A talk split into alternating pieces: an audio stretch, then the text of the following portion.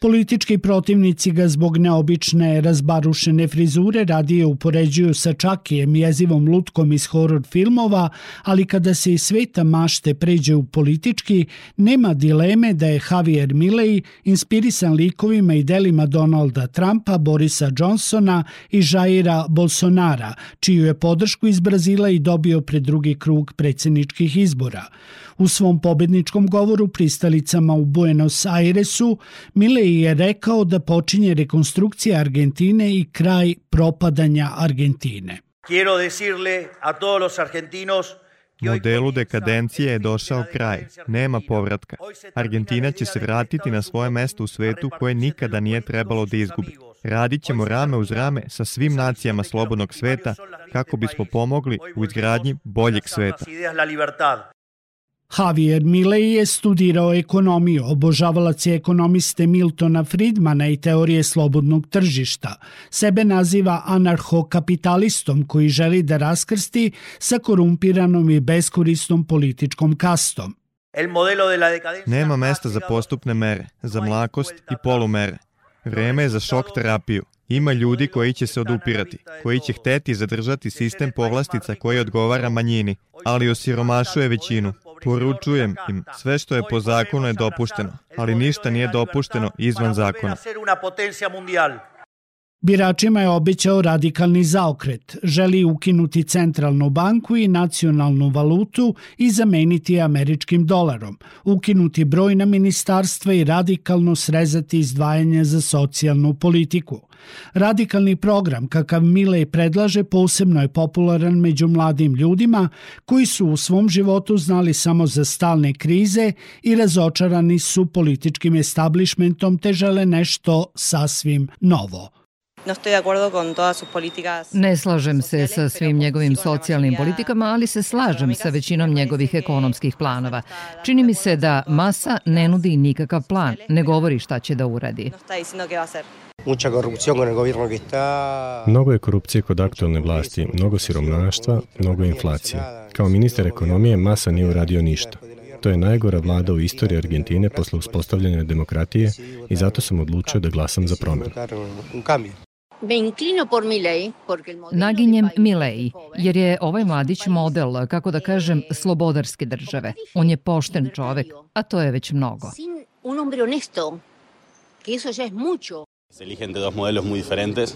Biramo između dva veoma različita modela, između modela za koji mislim da je propao u Latinskoj Americi i modela koji je donekle drugačiji. Nisam potpuno ubeđen, ali je drugačiji i moramo mu dati šansu. Budućnost se odvija i promena tek dolazi, ali se neće desiti kroz ono što smo već godinama imali profesora i istraživača na najprestižnijem univerzitetu u Meksiku tehnologiko de Monterey, doktora Dejana Mihajlovića, podsjećamo da je libertarijanski kandidat Javier Milei ubedljivo pobedio u drugom krugu argentinskih predsjedničkih izbora, pošto je porazio aktuelnog ministra ekonomije Serhija Masu. Donedavno relativno nepoznat, Milei je obećao radikalan pristup vođenju zemlje – Kao dobrog poznavaoca političkih prilika u Latinskoj Americi, pitamo ga kako tumači ovu pobedu u nekim normalnijim okolnostima, rekli bi, političkog autsajdera protiv argentinskog establishmenta. Pa, u najmanju ruku radi se o a, vrlo veštom a, kombinovanju raznih elemenata iza kojih stoji više decenijsko masovno nezadovoljstvo a, većeg dela stanovništva u Argentini zemlji koju potresa duboka ekonomska kriza, e, politička nestabilnost i e, neka vrsta socijalne polarizacije, društvene polarizacije zbog toga što je e, zemljom vladala dugogodišnja elita establishmenta o kojoj vi govorite. Dakle, s jedne strane neoliberalna opcija koja je krenula još iz doba Saula Carlosa Menema, s kraja, 90, s kraja 80-ih, početkom 90-ih godina, da bi se završilo sve to Mauricio Macrijem, e, prošlim predsjednikom e, Argentine, koga je nasledio aktualni predsjednik Alberto Fernandez. S druge strane, ta neoperonistička opcija neke vrste države blagostanja ala latinoamerikana, kako bi rekli argentinci, i koja nije imala uspeha u rešavanju krize i problema koje je kriza iznedila. U, to, u tom kontekstu, dakle, Javier Milei protivnik establishmenta i protivnik obe te političke opcije je na izvestan način sintetizovao, odlučio je u stvari da prekine jednim dubokim rezom e, obe te opcije. Mihajlovića smo zamolili da ove rezultate predsjedničkih izbora stavi u jedan širi geopolitički kontekst. Bez obzira na pojedinačne izborne uspehe takozvane umerene levice u Latinskoj Americi u slučajevima Andres Manuel Lopez Obrador u Meksiku, Gustava Petra u Kolumbiji, e, Gabriela Borića u Čileu, Inacija Lule da Silve u, u Brazilu, e, Luis Arcea u Boliviji, mi smo svedoci sve intenzivnijeg skretanja sveta udesno, što pokazuje ovaj najnoviji slučaj u Argentini, e, koji je samo deo jednog talasa koji u manjoj ili većoj meri, da li kroz direktnu vlast ili implicitno, baštini ideje ekstremne desnice – E, u zemljama kao što su Španija, Brazil, e, Sjedinje američke države, Italija, e, Mađarska, Čile, Portugal, Peru, Francuska, Austrija, Nemačka, imate primjer takođe iz Grčke, Holandije, Norveške, Izraela, Indije. Dakle, već godinama u većem delu zemalja Evropske unije takođe biračima se u izbornim utakmicama nude opcije između tradicionalne i ove nove, takozvane ekstremne desnice tim u vezi, e, znate kako, meni sve više ova 2025. godina potiče na 1925. godinu i uvod u ono što će se desiti kasnije. Na direktno pitanje ko je uopšte Javier Milei, profesor Mihajlović odgovara. On je ljubitelj, odnosno e, e, popularizator spiritizma, ezoterije, e, nadprirodnih pojava, jedna žena, medium, mu omogućava da bude u neposrednoj komunikaciji sa njegovim pre nekoliko godina uginulim psom. Dakle, kada se on po prvi put pojavljao u medijskom prostoru 2015. i vrlo brzo privlači pažnju izgledom i ekscentričnim nastupima u kojima kako bih vam rekao, vrlo vešto kombinuje ideje ekstremne desnice kroz kritiku vladajućih struktura i institucija u zemlji koja kao što smo to i videli, e, vrtoglavom brzinom se kretala ka ekonomskom kolapsu, političkoj nestabilnosti i, i već pomenutoj e, društvenoj polarizaciji. Ali, e, da se vratim na tu ideju da već 2018. godine Milej je jedan od najpoznatijih gostiju u argentinskim medijima, naročito na televizijskim programima u borbi za, za rating. ko je u stvari on? Po profesiji ekonomista, po vokaciji influencer, po ideološkoj orijentaciji e, meni najbliži etiketi neofašiste koji u javnim nastupima ne preza od e, eksplicitne agresivnosti, netrpeljivosti, e, verbalnog nasilja prema neistomišljenicima, a sve to utkano u jednu, po mom mišljenju, vrlo vešto osmišljenu političku ikonografiju bizarnosti, pa i ako hoćete određene, određene doze kiča.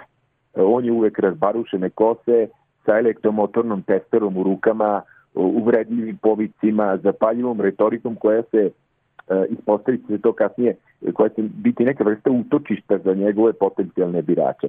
Ukratko, Milej je neka vrsta postmodernog Mussolinija u digitalnom svetu i infokapitalizma. Mihajlovića podsjećamo da ga je ova vrsta retorike dovela do poređenja sa dvojicom drugih poznatih političkih bukača sa kojima, kako je sam rekao u intervju iz 2021. godine, ima skoro prirodnu srodnost.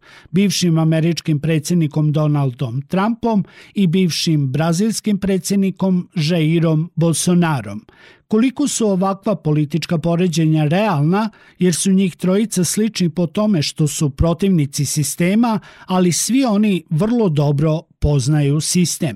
E, jeste, e, Milei neodoljivo podsjeća na Bolsonara, e, tu neku vrstu tropske diktature e, amazonskog štimunga i na e, razbarušenog e, e, Donalda Trumpa, Međutim, e, treba postaviti ovde pitanje u vezi samih e, političkih protivnika Javiera, e, Javiera Mileja.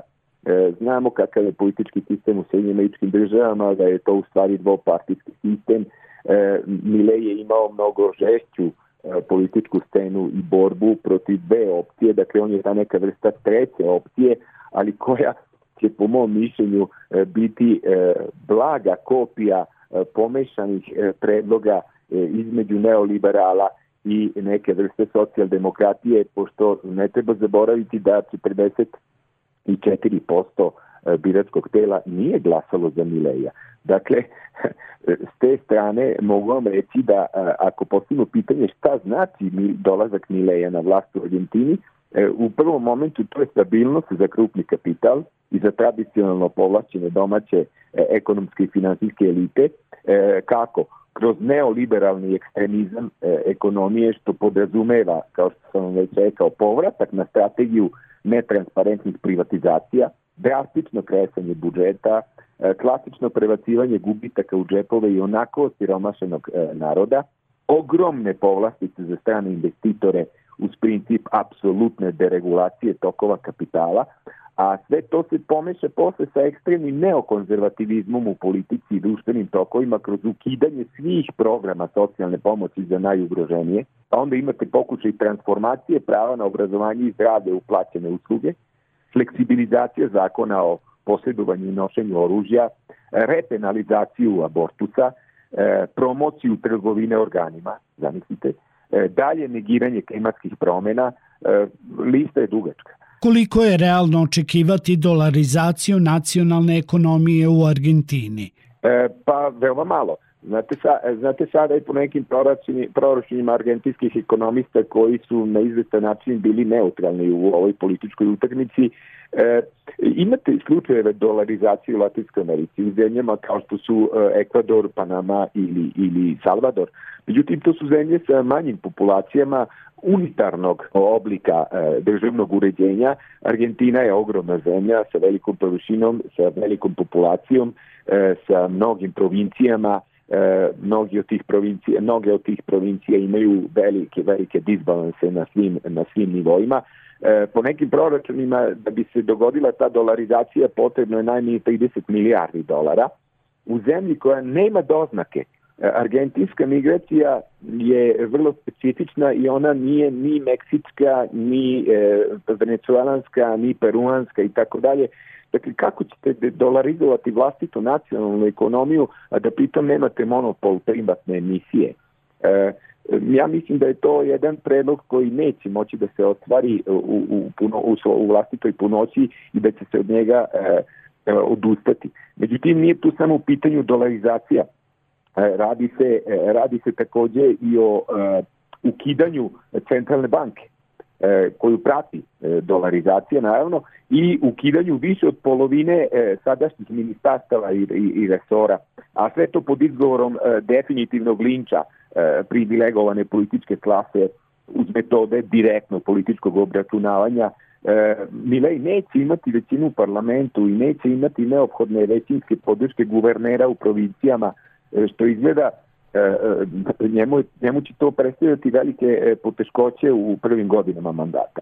Bez obzira na to u zemlji u kojoj je godišnja inflacija sada premašila 140 odsto i gde dvoje od petoro ljudi živi u siromaštvu, njegova pobeda dokazuje da su Argentinci siti tradicionalne politike i ekonomske katastrofe.